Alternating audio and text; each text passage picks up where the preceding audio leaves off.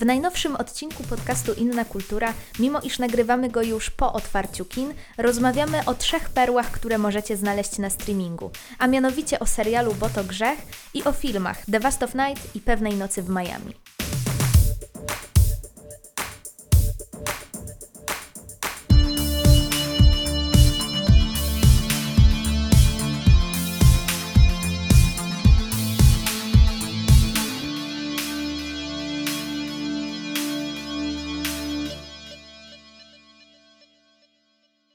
Sezon szósty podcastu Inna Kultura, odcinek drugi. Jedziemy. Jest ze mną Michał i Julia, witajcie. Witaj. Witaj serdecznie, Janie. I Michał, witaj. Zapowiada się świetny odcinek. Jak tam się czujecie? W porządku. Ciągle mówimy Okej. w jednym czasie. Dobrze. Dobrze lakonicznie się zapowiada, dość. tak. Dość lakonicznie też. Tak, tutaj taka informacja dla słuchaczy. Julia przed chwilą dostała ataku śmiechu i po prostu chyba wyczerpała tym zapas dobrej energii e, i więcej już po prostu nie ma. Ale Nie. cieszę się, że się dobrze, dobrze czujecie. E, Dzisiaj będziemy omawiać jeden serial i dwa filmy.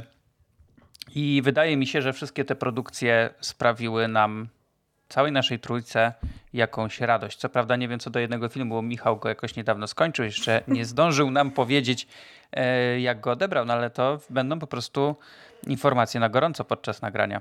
Michał dopiero wylądował. Tak. Michał dopiero wylądował, tak. Z Miami wracał. Mój samolot z Miami właśnie wylądował. Minuty temu. Dokładnie. E, A słuchajcie, y, przy okazji chciałem się was zapytać, czy widzieliście może y, zwiastun Cruelli, który się dzisiaj pojawił? tak. Tak, tak, tak. Widzieliśmy. A, tu was zaskoczyłem. Tak po prostu przyszło mi do głowy. I co o nim myślicie? Bo ja szczerze mówiąc jestem zaintrygowany, ale z drugiej strony za cholerę nie wiem, co mam myśleć o tym filmie. Ja, ja zobaczyłem jakiegoś mojego znajomego na Facebooku, który przyrównał ten, ten trailer do Jokera i miałem takie, no, coś w tym jest. Także, także jakiś taki, taki, taki styl, którego się po Disneyu trochę nie spodziewałem yy, i jakiś taki rodzaj szaleństwa, które, no, którego się nie, no, zaskoczyło mnie. Więc ja jestem ciekawy, co z tego, co z tego wyniknie. Miejmy nadzieję, że nie będzie tak jak z Jokerem, że z- zwiastun był dobry, a film okazał się taki, jaki się okazał. Nie no, jo, ja tam Jokerowi dałem 9 na 10 O w roku, A. więc ja tam jestem zadowolony. Ale do Cruelli nie wiem, czy to jakoś jak super pasuje, więc to ciekawa jest zbitka stylistyczna. Na pewno, na pewno y, Emma mnie mocno zaskoczyła, bo rzeczywiście fajnie, y, fajnie gra i nawet bardzo jest fajnie zagrany sam voiceover już. Więc, y, więc to, było, to było na plus, bo to, to, to mi się podobało. Ja jestem bardzo zaintrygowana, bo faktycznie w tym trailerze widać, że tutaj są połączone takie stylistyki po prostu z, każda z innej parafii i faktycznie trudno się nie dopatrywać, nawet nie tyle porównań do Jokera, Chociaż może tak, stylistycznie do Jokera, ale tak jeśli chodzi o charakter, to bym powiedziała, że tutaj e, troszeczkę sugerują może robienie disneyowskiej Harley Quinn. I to wszystko jest takim dziwnym miszmaszem, e, równocześnie wpakowanym w to disneyowskie live action, gdzie te live action jak dotąd były e, najwyżej średnie. Mm, plus Wydaje Emma Stone. Plus Emma No. Stone, która faktycznie, tak jak Michał powiedział, no już nawet w tym vo- voiceoverze jest, jest przecudowna. Więc powiem szczerze tak, no mam nadzieję, że, że ten film e, będzie, jeśli nawet średni lub zły, to chociażby ciekawy. No właśnie mi się wydaje, że to jest jakby pierwszy raz, jakby, ponieważ mam wrażenie, że mało kto czekał na ten film, to oni skorzystali z tego e, i jakby widać, że trochę popuścili trochę wodze fantazji, jakby polecieli po, trochę po bandzie. No przynajmniej ten zwiastun zwiastuje, że to jest jakby takie coś... No takiego niespotykanego, jakby, że trochę właśnie tak jak wy powiedzieliście, że nie wiemy czego się spodziewać. Jest taka, taka śwież, jakaś taka nowa, świeża energia, że w zasadzie jakby może pójść na zasadzie w dowolną stronę tak naprawdę w tym momencie. Mi się w tym zwiastunie jeszcze podobał moment, który tak nawiązywał trochę do, do Hunger Gamesów, czyli to, że, że zmienia, zmienia sobie strój y, przez, przez spalenie poprzedniego. To był fajny moment. Taki, taki też y, ukazujący trochę dla jakiej widowni to może być kierowany w jakiś sposób. No ja powiem szczerze, że ja w ogóle zapomniałem o tym, że ten film miał być. No właśnie. W sensie dopiero wczoraj, jak zobaczyłem gdzieś tam, że no jutro będzie zwiastun, to w ogóle tak, aha, okej. F- Faktycznie kiedyś było, że, że to ma być, a potem e, totalnie mi mi zniknęło z pola widzenia, że, że taki film jest produkowany, no ale okej, okay, no zgadzam się z wami, że, że może być przynajmniej ciekawie, no, że, że to może być trochę co innego. Mam nadzieję, że, że tak będzie, bo w, tak jak Julia powiedziała, większość tych live action Disneya z ostatnich lat, no to no, co najwyżej średnie w zasadzie, no tam Aczkolwiek jest parę, parę wyjątków, na przykład według mnie Aladdin się sprawdził bardzo dobrze. Ja byłem no, mega sceptyczny był średni, do moim niego, zdaniem. a, a znaczy może ja właśnie miałem super niskie oczekiwania i, i więc może dlatego mi się tak podobał, że, że jakby spełnił, jakby to jakby, że był wyżej niż to, co się spodziewałem. Mm. Widziałem go tylko raz w zasadzie, więc może, może tak, ale no nie wiem, znaczy mi się wydaje, że tutaj na pewno tutaj plusuje to, że jakby, że właśnie, tak jak Jan powiedział, że trochę zapomnieliśmy o tym, że ten film istnieje, więc mam wrażenie, że no nie mieli takich super turbo oczekiwań jakby w tle, które, którym trzeba sprostać trochę. No tutaj Więc nie ma było, dotykania okay. świętości na dobrą sprawę, bo mimo iż Cruella jest postacią kultową, tam 101 Dalmatyńczyków jest y, w jakiś sposób kultowym filmem, to nie, nie czuje się tego, żeby oni dotykali świętości, jak to było w przypadku z po prostu chyba najgorszym Królem live action, lwem. czyli Królem Lwem. Um, czy, znaczy, ja powiem tak, mi się Aladdin podobał, lubię e, też Kopciuszka, tylko że, e, czy Czarownicę, tylko że to wciąż są średnie filmy, e, tak, tak naprawdę. One są e, super w tej kategorii live action, bo coś próbowały robić mhm. troszkę ciekawszego może czy nawet Piękna i Bestia, która jest, wydaje się być jak musical nagrany po prostu, e, odtworzony e, z, jakiejś sceny czy coś, chociaż no wiadomo, wiadomo odhaczając tą scenografię po prostu, od, oddzielając scenografię. E, no ale mimo wszystko no, to są filmy średnie w kategoriach filmowych, a, a, a świetne tylko w kategoriach jakby tych live, live action. Ja, ja tak mhm. to trochę widzę, a tutaj oczekuję czegoś takiego e, wow. No zobaczymy, zobaczymy. Tak. Jak widać, jak widać jeden zwiastun zrobił robotę i jakby jest już nawet teraz o czym rozmawiać. E, co po etapie wczorajszego e, plakatu nie było takie, takie jasne, bo ten wczorajszy plakat to trochę wyglądał jak taki, taki fanart, co też, co też może być ciekawym kierunkiem, w którym ten, ten film może pójść i promocja tego filmu też może pójść, więc w sumie czemu nie? Kiedy on tam ma być? Jakoś na wiosnę, tak? Tak, już w maju. Pod koniec w maju. maju. Mhm. I pewnie jeszcze nie wiemy, czy będzie y, tylko w kinach, czy w kinach i w Disney Plusie. Na razie planują, że tylko w kinach, no ale to jakby no zobaczymy, jak się, jak się świat no tak. obróci. Znając życie, to u nas za parę dni zamkną kina. Hmm. Oczywiście nie chcę, nie chcę pesymistycznie patrzeć, ale mam jakieś takie przeczucie, bo ludzie sobie na narty pojechali. E, no, ale dobra, koniec, koniec tej dygresji. E, to co, Julia? Zaczynamy od ciebie. Tak, zaczynamy ode mnie. E, ja tutaj jako, jako, jako rodzynka opowiadam o jednym rodzynku w podcaście, a mianowicie o serialu akurat w tym, w tym dzisiejszym odcinku, e, czyli o serialu It's a Sin, który miał premierę już prawie miesiąc temu na HBO Go. U nas wyszedł akurat jako całość za jednym razem. E, ja go zresztą widziałam już dwa razy e, od tej pory. E, jest to serial Russella T. Davisa, twórcy takich seriali jak Years and Years czy Queer as Folk, ale również jednego z takich, moim zdaniem, najlepszych showrunnerów, Doctor Who. I tak, serial opowiada historię e, trzech młodych gejów, którzy przenoszą się e, albo z prowincji do Londynu, albo ze swojej rodziny na swoje do Londynu, e, aby rozpocząć e, no, własne ży życie samodzielne i móc się e, również e, gdzieś tam realizować w aspekcie tej, swoim, e, tej swojej seksualności. E, Problem w tym, że y, są lata 80.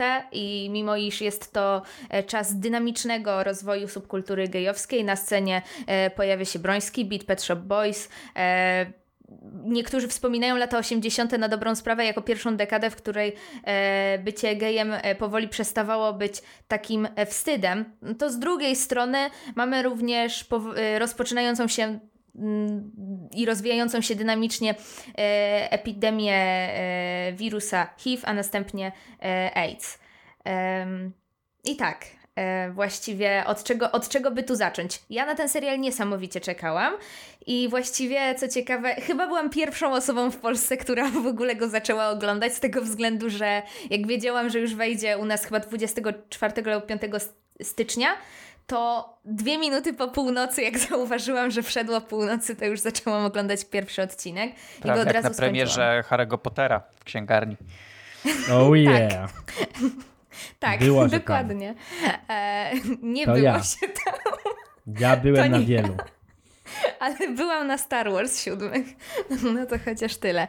I tak, ja niesamowicie czekałam na ten serial, e, między innymi ze względu e, no, na to, jaką tematykę podejmował, e, czy w jakiej dekadzie się e, gdzieś tam był, jest osadzony, ponieważ serial e, faktycznie obejmuje całą dekadę od 81 do 91 roku. Również e, z, bardzo mnie zaintrygował za- zaintrygowało sam, e, sam fakt, że jest to serial Russella T. Davisa, który e, robi naprawdę świetne rzeczy. E, czy na przykład fakt, że w głównej roli wystąpi Oli Alexander, który aktorsko e, miał dotąd e, naprawdę bardzo ciekawe role za sobą, a również jest taki niesamowicie śmieszny aspekt tego, ponieważ Oli Alexander jest wokalistą zespołu Years and Years, e, a ostatnim projektem Russella T. Davisa był serial Years and Years.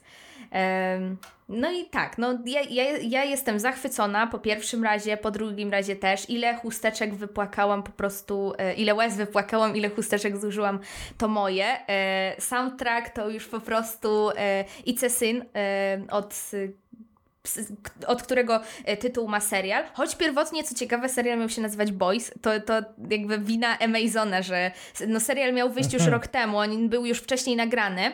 Miał wyjść na początku 2020 roku, tylko tam coś przez pandemię się poprzesuwało. Już wcześniej Amazon zdążył wypuścić e, The Boys i wyszło, że no tak. E, no tak, może, może jednak wybierzmy inny tytuł. I co ciekawe. Niezręcznie się zrobiło. Tak, niezręcznie się zrobiło. Co ciekawe, zauwa- co, co ciekawe zauważyła w swojej recenzji Kasia Czajka-Kominiarczuk, to faktycznie ten tytuł Boys w pewnym sensie nawet lepiej by pasował do tego serialu niż Ice Syn, bo mam wrażenie, że to Ice Syn jest dokoptowane głównie ze względu na, em, na tę część kulturową, czy być może też, no ważnym wątkiem w serialu są relacje tych bohaterów z rodzicami, ponieważ tutaj mamy trzech głównych bohaterów, z których em, każdy ma troszkę inną historię, bo jest Richie, który chce zostać aktorem i on jest z tej małej wysepki, jest Colin, który tam jedzie do, e, być, żeby być asystentem szewca, e, jest Rosco, który e, no jest taką najbardziej... Krawca. Słucham? Krawca, nie szewca. Szewcy robi buty. Jezu, krawca, tak, krawca. Przepraszam, krawca. E, I jest Rosco, który jest najbardziej e, taką mm, jakby no jest, je- jest y, co, co by tu powiedzieć, jest taki buntowniczy, pochodzi z bardzo e, religijnej rodziny, e, która właściwie jak tylko się dowiaduje, to tam go chce poddać rytuałom. No a poza tym mamy jeszcze Asha k- mm, e, i Jill. Co ciekawe, Jill jest e, oparta na tam po- postaci przyjaciółki Russella T. Davisa, która zresztą gra w tym serialu matkę Jill. Mm, No i tak. I, i to, to, to, to jak Wam się podobał serial?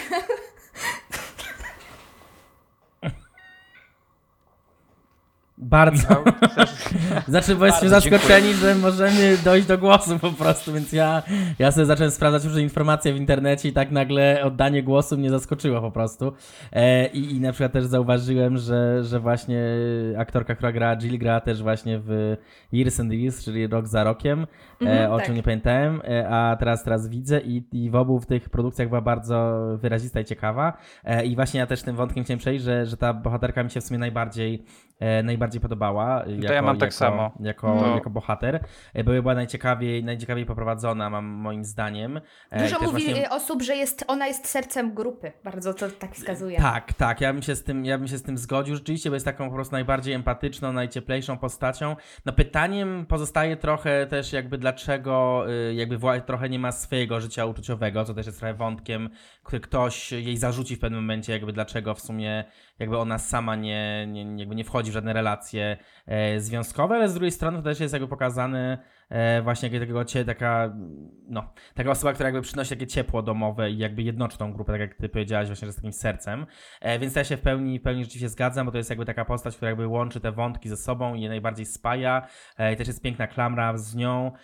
I tutaj też mi się też wydaje, że mm, tytuł, nawiązując do tego tytułu i tej kwestii tego, dlaczego a Sin, to też rozmowa jej z matką jednego z bohaterów w ostatnim odcinku, która opowiada trochę na temat, na temat sytuacji tego, dlaczego się niektóre rzeczy działy, e, trochę podbija ten tytuł i jego rozumienie. I mi się wydaje, że to jest tak, że to jest bardzo fajna też klamra, że ten, że mimo wszystko, że jednak ten serial się nazywa tak, jak się nazywa e, i właśnie, żeby dzięki temu ta przemowa mogła tak mocno, mocno wybrzmieć. Bo to jest rzeczywiście taki, taki mocny moment, takie coś, co, co idealnie jakby oddaje trochę zamysł tego, tego serialu i zamysł tego pomysłu e, i zamysł tego właśnie życia właśnie trochę w, w cieniu, trochę takiego bycia, e, takiego e, obawiania się, co inni pomyślą, obawiania się też, co samemu się myśli i właśnie takiego życia trochę właśnie, e, z drugiej strony właśnie życia w świetle, jakby korzystania e, z tego życia garściami. Jakby to jest takie ciekawa właśnie dychotomia, która też trochę wynika właśnie z tego, właśnie z tego poczucia, że to jest takie, że to jest takie coś grzeszne, o czym nie możemy mówić, co jakby e, sprawia, że, że będziemy jakby e, sami się trochę prosiliśmy o, o los, który nam się przydarzył. Więc mi się wydaje, że dzięki temu, że to jest ten tytuł i jest ta przemowa na końcu, czy w zasadzie rozmowa, to, to jakby to fajnie podbija w tę tą, tą serię tych znaczeń. I też ładnie się właśnie komponuje z tym, że, że ta bohaterka e, jako osoba, która jakby jednoczy wszystkich, e, jest e, w tym centrum. O. Także ja jestem bardzo na tak, bardzo mi się podobało, bardzo mi się też podobało to, że każdy z bohaterów trochę przechodzi inną drogę e, i w zasadzie też bardzo ciekawie jest poprowadzone to, że mam wrażenie, że każdy z widzów może jakby znaleźć swojego bohatera, z którym się najbardziej e, jakby zżyje i najbardziej jakby e, to co, się, to, co się przydarzy w przyszłości, jakby najbardziej go poruszy. I na przykład moim zdaniem, przynajmniej dla mnie, to to odcinek trzeci był czymś takim, co jakby najbardziej mnie ruszyło w tym serialu i jakby to, co się tam dzieje, jakby tak mocno mocniej mocniej kopnęło. Oczywiście, tak jak Julian mówi, to jest dużo łez można pokazać na całości, natomiast dla mnie po prostu ten odcinek trzeci rzeczywiście pokazał taką, e, no to przejście po prostu w, w taki najbardziej wiarygodny sposób, taki najbardziej poruszający przynajmniej, przynajmniej dla mnie. Więc to jest też ciekawe, że oni jakby z różnych, e, w różny sposób prowadzą tych bohaterów, dzięki czemu każdy jakby może się zżyć z kimś innym. Y, No ja generalnie chyba mogę się spokojnie podpisa, podpisać pod, y, i pod tym, co mówiła Julia i pod tym, co mówił Michał, ale y, nie byłbym sobą, gdybym nie powiedział o tym, jak ten serial jest dobrze technicznie zrobiony, żeby tak jeszcze nawiązując do mojej rozmowy z Julią przed nagraniem. Bo bardzo mi się podobał montaż w tym serialu. Zwłaszcza taka jest taka jedna scena chyba w drugim, w drugim odcinku bodajże, kiedy bohaterowie idą i rozmawiają właśnie o tym, że, y, że jest AIDS, tak? I, I jeden z bohaterów, który idzie na, na czele grupy, opowiada, dlaczego to jest ściema, że to w ogóle nic. I to jest tak fajnie zmontowana scena, tak ładnie przechodzą z jednej lokalizacji do drugiej, y, ale to oczywiście nie, nie To jest jedyna scena, tak... która No. reklamowała cały serial. I ja właśnie, A, okej. ja w ogóle, ja się dowiedziałam o tym serialu tak, że weszłam, szukałam Pet Shop, chciałam posłuchać It's a Scene by Pet Shop Boys I, i znalazłam tę scenę. I ona była tak cudownie, właśnie to co powiedziałeś, tak cudownie zmontowana. Zresztą właśnie Oli Aleksander, który gra tę główną rolę, on tak cudownie moim zdaniem y, tam gra. Zresztą jego postać przechodzi tak, y, tak dziwną przemianę na dobrą sprawę przez cały ten serial. Tak, taki specyficzny rodzaj dość, nawet w perspektywie widza, bo ja miałam moment, że go nienawidziłam po prostu w którymś Mhm. odcinku, a to tutaj jest tak fajnie y, rozegrane, naprawdę, super scena. No i jeszcze oczywiście y, ten klimat lat 80. jest naprawdę znakomity, głównie za sprawą muzyki. E, Ścieżka dźwiękowa tutaj jest świetnie dobrana. E, No i, i co? No generalnie mogę się zgodzić z tym, co, co wy powiedzieliście. No, bohaterowie naprawdę bardzo dobrze napisani, e, bardzo takie wiarygodne przede wszystkim są te przemiany, tak? To, to wszystko, wszystko jest jestem w stanie uwierzyć jako widz i generalnie właśnie po pierwszym odcinku już byłem kupiony bo choć no, na pierwsze minuty tak nie byłem do końca przekonany, ale już na koniec pierwszego odcinka wiedziałem, dobra, trzeba obejrzeć całość, to, to może być naprawdę dobre. Ja żałowałem, że zacząłem ten serial oglądać bez żony, bo stwierdziłem, że mógłby się jej spodobać, więc ona będzie musiała sobie po prostu e, nadrobić.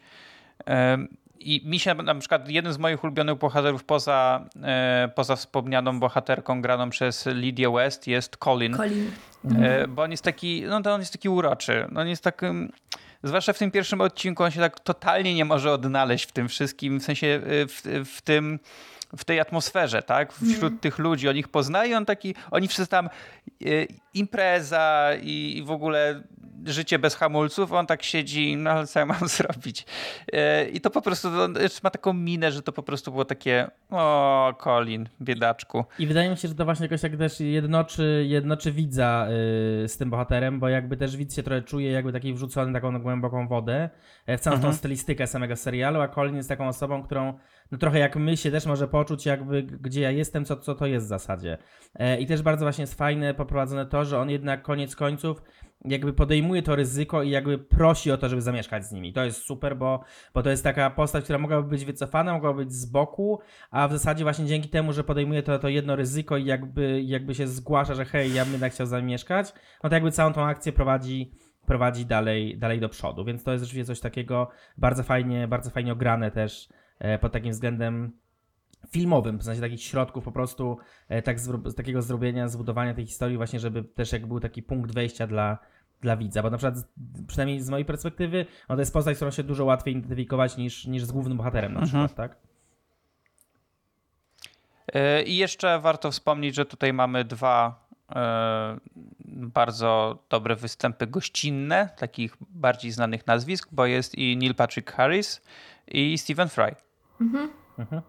Więc y, to są kolejne rzeczy, które mogłyby zachęcić. Generalnie polecamy. Ja jeszcze mogę zachęcić jedną rzeczą, tak. że tam jest, dos, tam jest bardzo bezpośrednie mrugnięcie okiem do e, fanów Doctor Who. Tak. Takie bardzo, bardzo charakterystyczne, bardzo tak. zabawne i chyba jest akurat też w trzecim odcinku akurat. To ja jeszcze tylko chciałem do, tak. dopowiedzieć ostatnią, ostatnią rzecz, a propos jeszcze tej, tej sceny, o której rozmawialiśmy, że też ta scena promująca serial, ona też idealnie wybrzmiewa teraz w dzisiejszych czasach pandemii, bo ona generalnie też uderza dokładnie w te tony, mm -hmm. w których mhm. teraz niektóre osoby e, negujące to, co się dzieje na świecie, e, mówią, tak? I to jest bardzo fajne, rzeczywiście, że ten moment jest tak nakręcony i też rzeczywiście, że ten moment właśnie jest e, wykorzystany do, do promocji, bo to jakby też jakby bezpośrednio się jakby odnosi trochę do, do tego, co się dzieje teraz. I jakby jak trzeba bardzo uważać z, z wyrokami e, i z tym, co się robi. Tak. Do obejrzenia na HBO Go, więc teraz chyba wszyscy wiedzą, co będą robić w weekend. Tak, jest, jest y, pięć odcinków, tylko każdy mniej więcej po godzinie, więc i też bardzo szybko się ogląda, bo po prostu zwyczajnie wciąga i człowiek ma ochotę obejrzeć wszystko. Nawet mniej, one chyba po 45 minut mają, więc Różnie no chyba. naprawdę można to po prostu w jedno popołudnie sobie obejrzeć. Tak. Połączone z wieczorem. Tak. Okej. Okay. To teraz Michał opowie o pewnym niezwykłym, tajemniczym filmie. Tak, teraz ja przejdę do, do filmu The Vast of Night. E, to jest film e, Amazona, który jest dostępny na Prime Video. Mm, I to jest produkcja, która, która pojeździła po kilku, po kilku festiwalach. E, zyskała kilka, zyskała kilka nominacji, w tym nominację do Independent Spirit Award za, za najlepszy debiut scenariuszowy. Mm, I to jest film utrzymany w takiej starej stylistyce. To jest film science fiction, ale utrzymany w takim stylu e, trochę słuchowiska radiowego, e, trochę takich opowieści, opowieści z dreszczykiem, które kiedyś, kiedyś oglądano, w, oglądano w telewizji. Trochę Julia, to wiem, że pisała o tym na, na Filmwebie, że to jest trochę takie e, Twilight Zone, e, czyli taka specjalna e, kategoria takich filmów telewizyjnych, które jakby wchodziły w jedną, jakby po, Boże, w taką całą serię e, opowieści, które po prostu wywoływały dziwne, specyficzne emocje.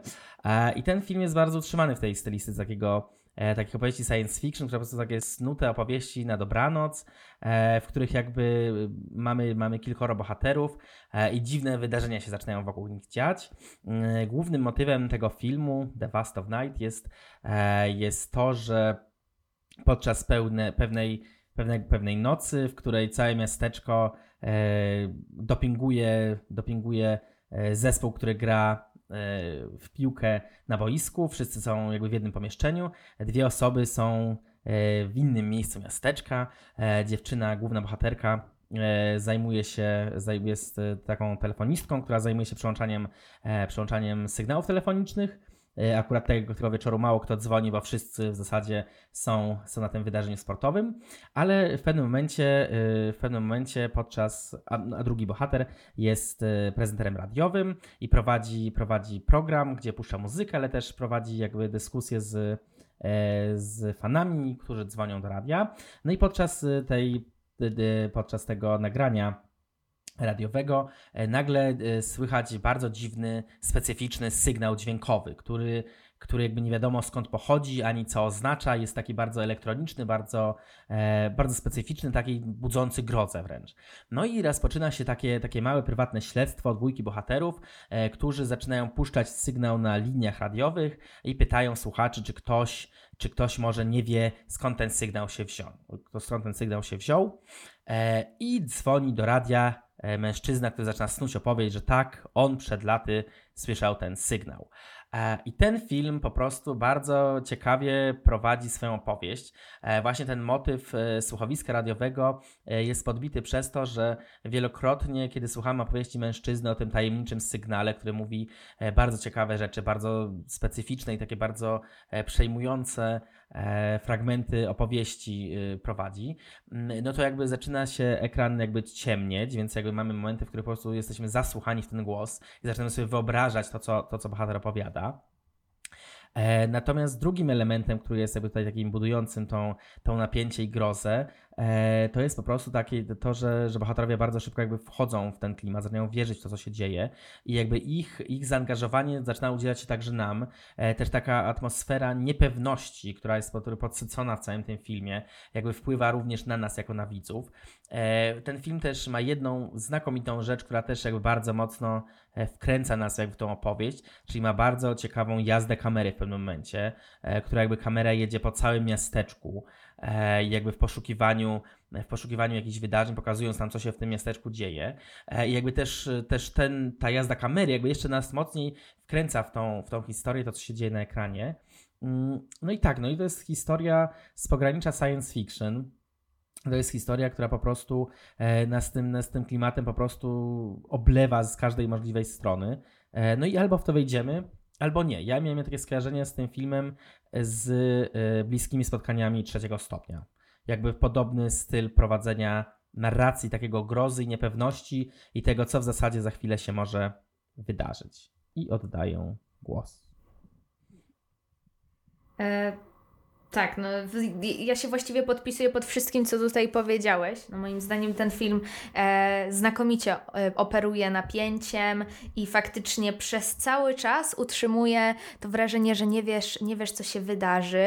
I mimo iż jest to e, film, jest, jest to film dość mały, zresztą tak jak rozmawialiśmy e, dzisiaj lub wczoraj, na dobrą sprawę fakt, że ten film można było obejrzeć w, w domu, wcale aż tak tutaj e, nie, nie zrobił mu na złe.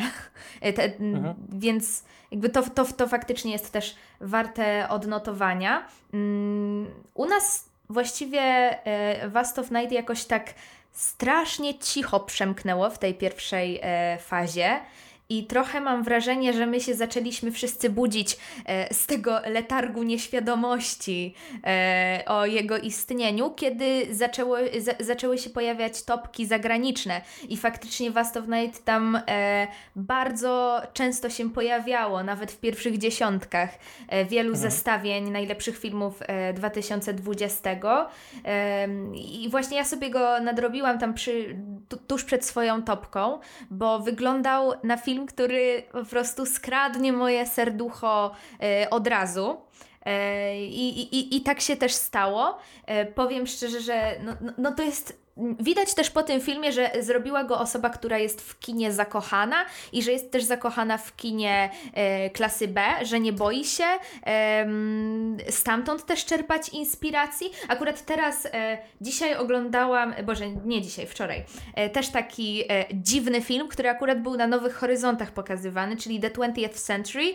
Film jest od dwóch dni dostępny na Mubi, więc jeśli ktoś by chciał obejrzeć, to, to niesamowicie polecam. E, I to też też jest taka dziwna synte synteza gatunkowa, jeszcze, o, wie o, wiele jeszcze dziwniejsza niż Vast of Night, to, to, to już bez porównania. taka niesamowicie odjazdowa i, i, i też e, zachwycająca.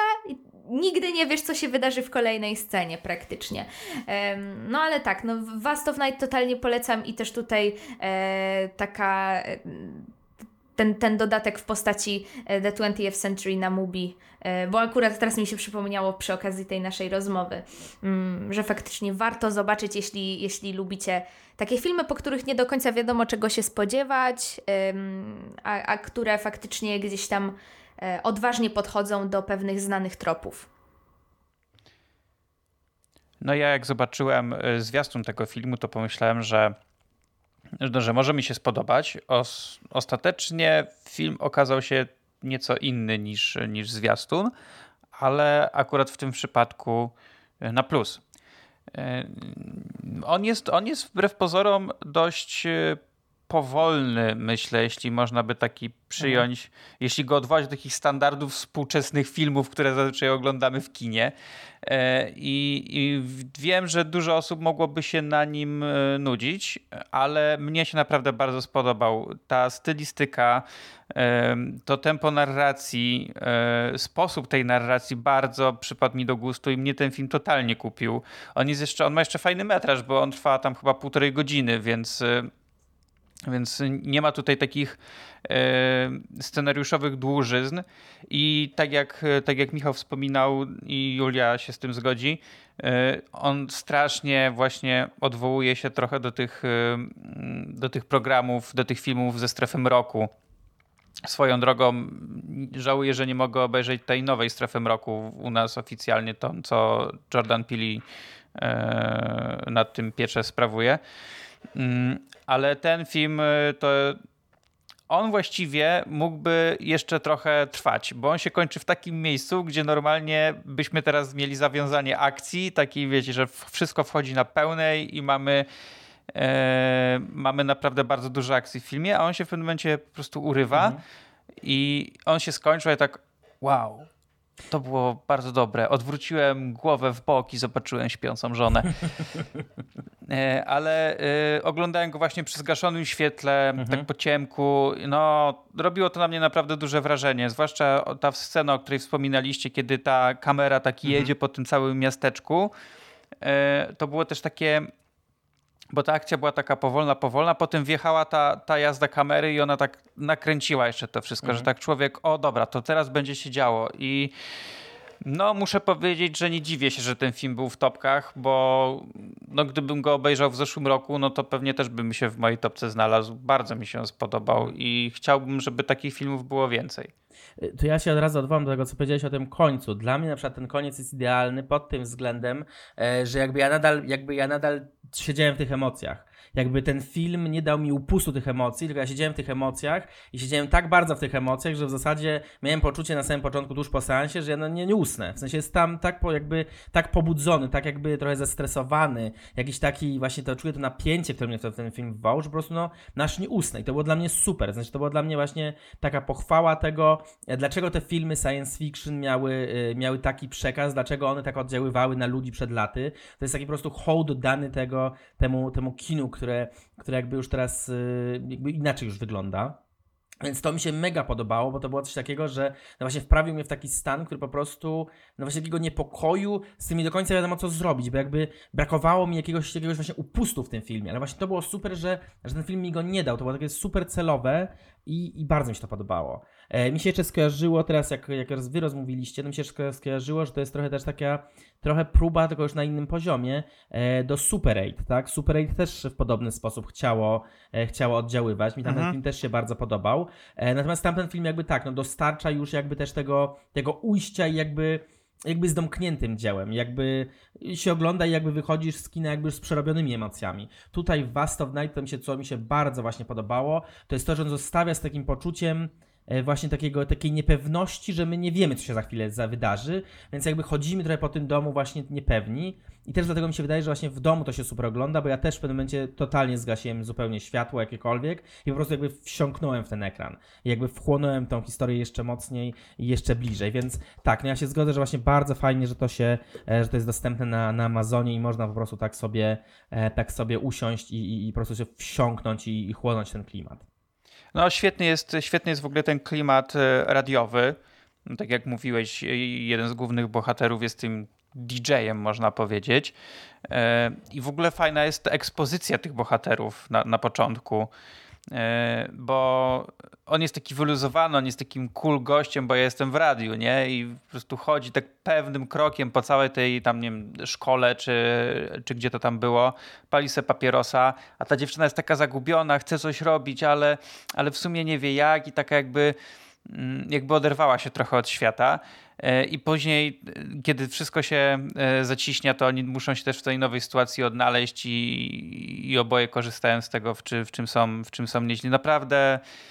No ja o tym filmie jakoś nie słyszałem jakoś dużo wcześniej. Dopiero Michał o nim wspomniał tam kiedyś, żebyśmy, żebyśmy go obejrzeli i o nim opowiedzieli i muszę powiedzieć, że, no, że bardzo się cieszę, bo, e, bo żałowałbym, gdyby taki film mi po prostu gdzieś tam przemknął. Więc jeżeli E, ktokolwiek e, jest albo był fanem właśnie takich, e, takich programów jak Strefa Mroku, wiem, że to w Polsce było trochę mniej popularne i tam mniej dostępne, ale może gdzieś tam oglądaliście, czy ogólnie jakichś takich starych filmów science fiction z lat 50. i 60., no to to jest pozycja obowiązkowa. No, mhm. Naprawdę jedna z lepszych rzeczy, które widziałem w ostatnim czasie i myślę, że jak będziemy za ładnych kilka miesięcy robić topki, to nie zdziwię się, jeśli ten film się w niej znajdzie. Mhm.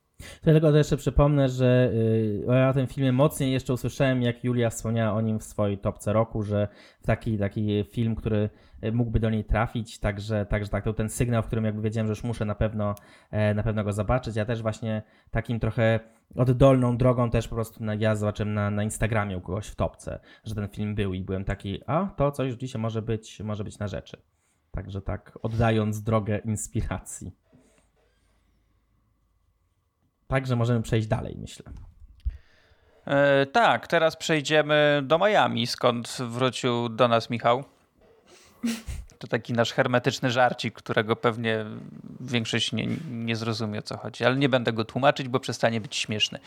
E, będziemy omawiać film, który pojawia się teraz na w temacie przede wszystkim rozmaitych nagród, bo ten film został ostatnio nominowany do trzech Złotych Globów. To jest film Pewnej Nocy w Miami, e, który jest jednocześnie debiutem reżyserskim Reginy King. Regina King możecie kojarzyć między, między innymi e, z serialu Watchmen na HBO, za który ona dostała chyba właśnie Złoty Glob, jeśli dobrze pamiętam, tak? No właśnie Chyba tak. Tak. Znaczy na pewno Emmy dostała. Albo właśnie nie dostała, nie wiem.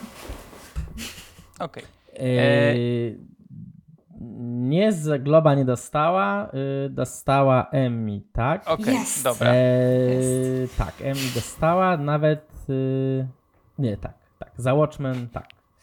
Natomiast okay. dostała, też, dostała też Globa za, za rolę w filmie Gdyby ulica Bill miała. O, właśnie. Tak. Wiedziałem, że dostała Globa, tylko mi się, tylko pomyliły mi się. Dlaczego? Świetny film był. O, nie, nie, nie. O, o i tak, tak, tak. Ale to sobie no. porozmawiamy innym no. razem. Ja wieszam białą flagę między wami. Ja sobie Dobrze. ostatnio w temacie Reginy King, bo ja za każdym razem zapominam, że ona grała kiedyś w historii Kopciuszka z Hilary Duff i ostatnio oglądałam ten film, akurat leciał w telewizji. I ja za każdym razem mam takie, wow, Regina King kiedyś grała w takich filmach. No, tak, tak, ona też w Legalnej Blondynce grała. Tak, tak, tak. W, w Miss, Agent. Miss Agent. Tak. No. Takie filmy kiedyś były. No to był taki, taki, taki Deep 2000s, no. True, no. true. No dobrze, tak, że regi- wróćmy, oddajemy wróćmy głos do jej debiutu King, reżyserskiego. E, tak, i to jest film, który jest e, filmową wersją sztuki teatralnej, którą napisał Kemp Powers i on również napisał scenariusz do tego filmu. E, I Opowiada on o, tak jak tytuł wskazuje, pewnej nocy w Miami. E, nocy, w której spotykają się cztery postacie, cztery postacie bardzo ważne dla, e, dla kultury afroamerykańskiej, e, ponieważ mamy tutaj Malcolma X, mamy mm, Cassiusa Claya, który później był znany pod imieniem Mohamed Ali, piosenkarza Sama Cooka i jeszcze był Jim Brown. Jim Brown, który był najpierw futbolistą, a później aktorem. Bardzo ważne postaci i oni spotykają się zaraz po, po meczu bokserskim, który wygrał Cassius. Oni, oni się znają, oni są przyjaciółmi i spotykają się, by świętować. Tylko stwierdzają, że nie będą świętować tego jakoś bardzo hucznie, tylko spędzą ten czas razem. E, spotykają się później w jakimś hotelu, e, w, w pokoju motelowym, zaczynają prowadzić rozmaite dyskusje. E, no i generalnie tak ta noc upływa. I to jest, to jest film, który no, powtórzę się w tym odcinku znowu, że to jest jeden z tych tytułów, które na pewno będę wspominać w jakiejś mojej pewnie topce w zestawieniu najlepszych filmów, ponieważ to jest świetnie poprowadzona rzecz, świetnie wyreżyserowana, no i genialnie zagrana. To jest coś, co, co ja bardzo lubię. I to jest kolejny film, który jest właśnie przeniesieniem e, sztuki teatralnej na, na ekran, bo parę tygodni temu mieliśmy mm, Ma Riley, matkę, matkę Bluesa e, na Netflixie ale ten film wypada jeszcze lepiej. Tam, tam było trochę do zarzucenia tamtemu obrazowi, ale tutaj jak, jak obejrzałem, to miałem wrażenie, że no jest mało rzeczy, do których mógłbym się tutaj przyczepić. Pewnie jakbym się doszukiwał, to bym coś znalazł, ale jest to napa naprawdę świetnie zrealizowana rzecz. To są kapitalne dialogi, które jak już wspomniałem, są świetnie, świetnie zagrane przede, przede wszystkim przez całą czwórkę aktorów, którzy grają te te postacie, o których wspomniałem. E, ja tu jeszcze bardzo cenię występ e, na drugim planie Michaela Imperioli, który był Christopherem z Soprano, więc to już jak tylko go zacząłem na ekranie, to już od razu plus dwa. I, i w ogóle się nie zmienił, co też jest, co też jest ciekawe. No Jakby, w sumie. Jak już się to, zasuszył, to tak został. Tak, został, tak. Co ty, Julia, o tym myślisz? No to, to jest film e, z tej kategorii Ludzie rozmawiają. Tydzień temu rozmawialiśmy akurat o Malcolmie i Mary. E, I myślę, że ten film jest, e, mimo iż on bardziej przypomina w ogóle swoją estetyką czy tematyką, jaką podejmuje, to jednak bardziej tutaj wchodzi w te rejony faktycznie marajni. To, to jednak trudno mi tutaj nie kojarzyć z, z filmem Lewinsona, zważywszy na to, że w podobnym e, czasie akurat je tutaj oglądaliśmy. Mnie ten film się naprawdę podobał. Ja uwielbiam filmy, w których ludzie rozmawiają i uwielbiam, jak to jest tak e, dobrze wyreżyserowane, dobrze napisane. No tutaj już Jan zwrócił uwagę na e, znakomite dialogi, które nie dość, że są, że, że są po prostu znakomicie napisane, to są co najważniejsze podawane znakomicie. Po prostu mhm. e, ostre jak brzytwa i tam tempo jest przecudowne. Takie jakby wszystko jest równo, wszystko idzie równo. E, Regina King i bardzo świadomie operuje e, wszelkimi tutaj e, elementami e, tej, tej pięknej układanki i mimo iż jest to film niesamowicie teatralny, niesamowicie kameralny w gruncie rzeczy, to widać bardzo mocno jej pracę jako reżyserki. E, w takich na dobrą sprawę mm, niesamowicie minimalistycznych zabiegach, ale bardzo skutecznych i bardzo tutaj utrwalających to, ten, ten pacing i, i, i, naprawdę role główne Chapoba. Ja jestem wielką fanką Kingsleya Benadira w roli Malcolma X, który jest przecudowny w tej roli. To jest chyba jego w ogóle jedna z, albo debiut, albo jedna z pierwszych ról, jakiś taki breakout performance. No, chyba tak, bo wcześniej ma jakieś tylko małe role w, w DOA i Królu Arturze, o którym już nikt nie pamięta. E, powiem szczerze, jestem troszeczkę rozczarowana występem e, Leslie'ego Odoma Juniora. W sensie, bo, bo, bo to jest rola, która najczęściej się pojawia jak dotąd w tych nominacjach i w ogóle. I tak nie wiem, spodziewałam się troszeczkę, że on będzie miał więcej takich momentów, e, gdzie się, się wykaże ponad resztę. No on Ale... jeszcze tak w początku, w tej pierwszej części to on tak trochę zanika, nie? On tak. dopiero tam właściwie pod koniec tak.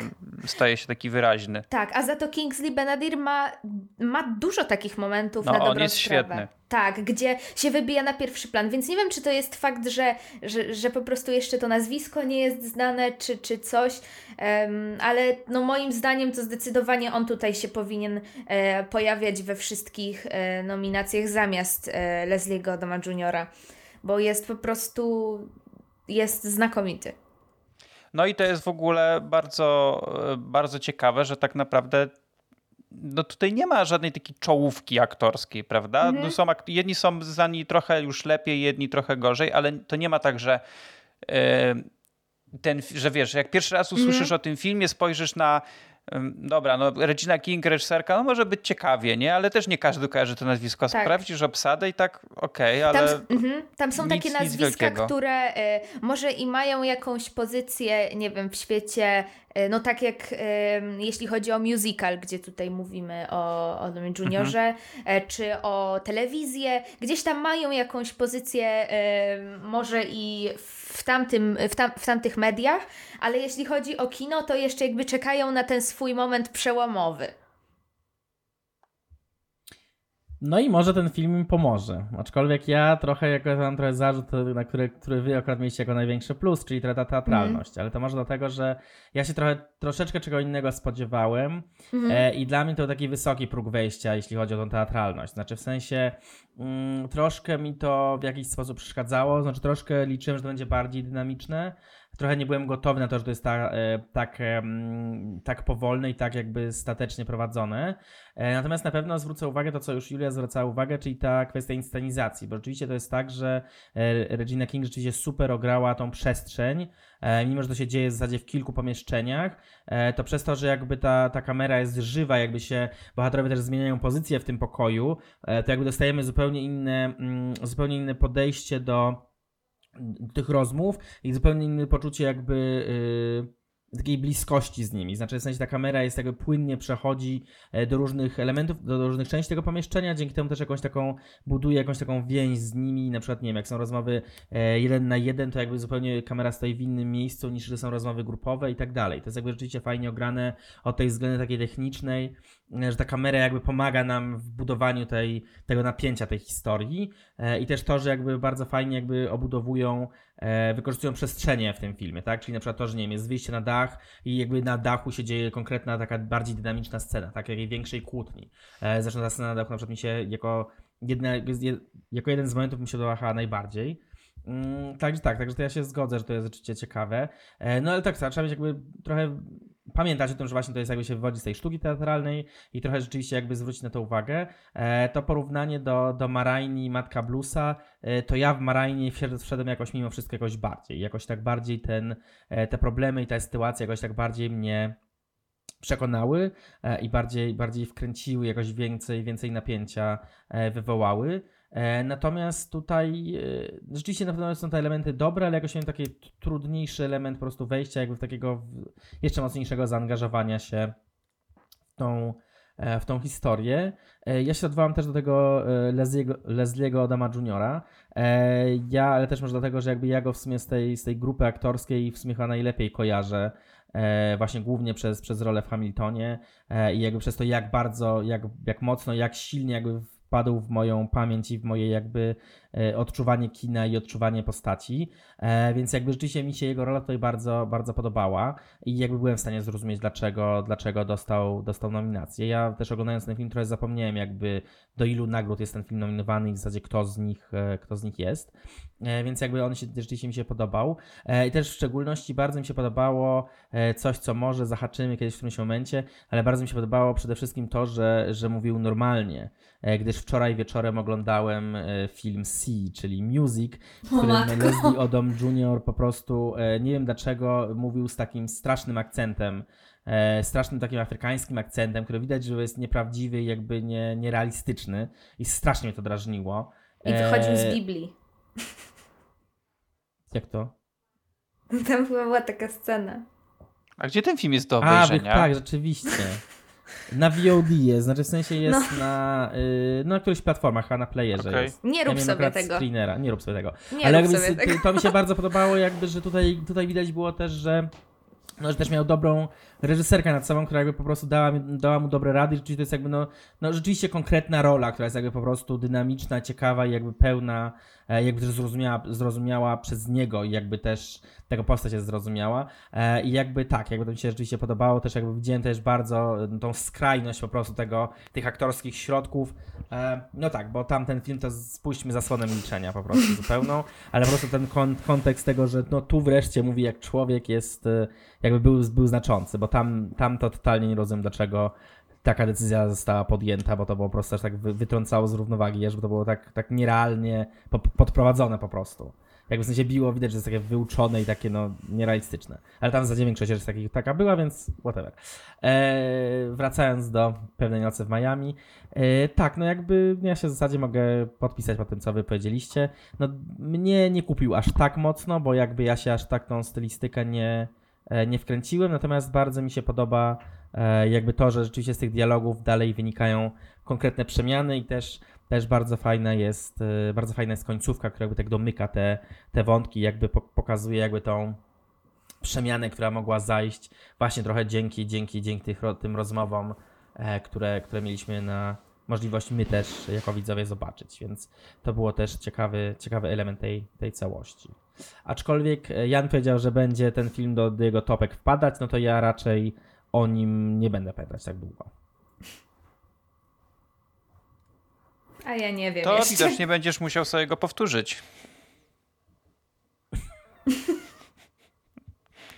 Nie, ale ja to jeszcze, jeszcze raz powiem, że no na, mnie, na mnie zrobił ten film wrażenie i w, y, podobało mi się to, że on w pewnych momentach nie mam innego słowa, więc takiego użyję. On był dla mnie taki intymny w, momentami. Taki, że właśnie nie, to nie był taki przepych, to nie było takie wielkie wow, tylko tak siedziało się i się tak spijało tą śmietankę, która tam e, leciała z ust, z ust bohaterów. E, I no niestety to jest kolejny film, który zanudził moją żonę i ja powiedziałem ostatnio, ja już nie wybieram filmów, które będziemy oglądać, bo co wy nie wybiorę ostatnio, to mnie się bardzo podoba, a ty zasypiasz. Yy, więc ja mam teraz taki, taki domowy problem właśnie, że chyba będę po prostu filmy oglądać sam. Te, które naprawdę chcę obejrzeć, bo potem jest mi głupio, że, że ja mówię, no bo muszę do odcinka też obejrzeć. No, no, no dobrze, dobrze, to obejrzyjmy je potem znaczy, no, bo mi się właśnie wydaje, że to też to ważny jest właśnie element, żeby mieć jakby, mieć z tyłu głowy jakby trochę na co się człowiek pisze, bo ja na przykład właśnie też wchodząc w ten film jakby zapomniałem o tym kontekście teatralności i on był mocno wyczuwalny i on mi trochę, trochę mnie męczył. Znaczy w sensie ja jakby nie byłem gotowy na to, żeby akurat w tym momencie, kiedy go oglądałem, czyli w zasadzie tuż przed odcinkiem e, i stąd jest ten żart o, o moim przylocie z Miami, e, jakby żeby oglądać jakby coś, co, co tak się powoli rozwija, tak? E, więc, więc mi się wydaje, że to też jakby właśnie taka kwestia tych, tych oczekiwań jest trochę, trochę ważna, żeby wiedzieć jakby na co się człowiek pisze. Bo kiedy rzeczywiście już będzie człowiek gotowy na to, to jakby to, to rzeczywiście fajnie wybrzmiewa i, rzeczywiście jakby te, te role są e, no rzeczywiście fajnie nakręcone, dobrze e, przyciągające e, i niektóre momenty rzeczywiście robią duże wrażenie. Mm, przepraszam za tyle razy słowo rzeczywiście. No i tutaj y, to jest takie nawiązanie trochę do tego ostatniego odcinka, jak rozmawia, rozmawialiśmy o Malcolmie i Marii i co zarzucała między innymi Julia, że tutaj czuć, że ten film jest i napisany, i wyreżyserowany przez osoby, które wiedzą, o czym ten film opowiada. W sensie rozumieją ten problem. Mhm. Bo w poprzednim filmie to, to, no to no tak jak mówiliśmy, tak? Trochę jedno chce, myślisz, a inne, inne pokazujesz, a, a tutaj widać, że to wszystko jest spójne i, i to też mi bardzo się podobało. Kropka. Kropka. La. La cały czas myślałem, żeby tak zacząć ten odcinek i jak zaczęliśmy nagrywać, to o tym zapomniałem. Bo ja uznałem, że tak trzeba go skończyć po prostu. Okej, okay. dobrze. E, to co, tym samym kończymy. E, omówiliśmy trzy bardzo ciekawe produkcje. Myślę, że każdy znajdzie w, niej coś dla, w nich coś dla siebie, e, bo też jak powiedzieliśmy, no generalnie wszystkie nam się podobały, ale nie we wszystkich jesteśmy zgodni. Ale oglądajcie. Jedna rzecz jest na Mm, HBO Go. na HBO Go, a pozostałe dwie, czyli pozostałe dwa filmy y, do obejrzenia są na Prime Video. Y, No, gorąco polecam. Warto, warto obejrzeć, zwłaszcza, że na tych innych popularnych platformach niektórych ostatnio nie za bardzo jest co, co oglądać. A te otrzymują znak jakości od nas, to prawda. Tak, znak jakości. Więc, y, więc jeżeli nie korzystaliście jeszcze z Prime'a, to, to ja zachęcam. Ja za- zacząłem sobie przy okazji, skoro już wykupiłem sobie subskrypcję do obejrzenia tych, tych produkcji, to zacząłem sobie Boys oglądać, o którym tam przez chwilę się dzisiaj mm, pojawił się na chwilę gdzieś ten tytuł. E, I muszę powiedzieć, że jak na razie jestem, jestem na tak. Są dwa sezony, więc y, wy oglądaliście ten serial? Ja oglądałem półtora sezonu. Ja byłem mega wkręcony w pierwszy. Drugi, który ma taką samą stylistykę, obejrzałem trzy odcinki i się odbiłem. Nie wiem o co chodzi. Muszę wrócić. Okej. Ale oglądałem chyba może, tego, może za dużo naraz oglądałem, bo obejrzałem ten pierwszy, obejrzałem trzy drugiego i, i jakby taka blokada. I tego trzeciego nie mogę dokończyć. Jakby nie wiem o co chodzi, bo on jest zagotowany tak jak był, ale więc chyba może po prostu za dużo, za dużo dobrego Może. zrobiłem, jakby za dużo tej samej stylistyki pod rząd po prostu. E, bo mi się podobał, tak, on jest rzeczywiście bardzo ciekawy, e, fajnie ogrywa te tropy, e, tak, no to, to jest coś, co do mnie, do mnie przemawia też. Ja widziałam pierwszy sezon, e, a potem była ta przerwa między pierwszym a drugim sezonem i po prostu gdzieś tam wyleciało mi z głowy, żeby go nadrobić, ale być, mo- być może się do tego posunę. A propos tego, co mówiliście, wiecie, że jest grupa na Facebooku Kolejny Gwóźdź do trumny Netflixa albo strona? Uuu, No. no Ciekawe. I za każdym razem, jak któraś z innych platform coś udostępnia, że o, u nas będzie jakiś serial, albo film, albo u nas coś będzie wychodzić, to to jest wrzucane na tę grupę. albo ktoś ją oznacza. Znaczy to chyba strona jest, nie wiem, nie, nie pamiętam, ale jest coś takiego. Taka ciekawostka na koniec. Tak, Okej. mnie to zaciekawiło. Tak myślałam. Nie no, fajnie, no fajnie, fajnie. To, to sorry, to tak brzmi jak, y, no, ale nie jest. Dobrze. Nie ma No dobra, to co? Yy, kończymy drugi odcinek szóstego sezonu, a już łącznie 122, jeśli dobrze liczę, yy, podcastu Inna Kultura. Słyszymy się niebawem. Yy, I co? Do usłyszenia. Do usłyszenia. Do usłyszenia. La. La. La.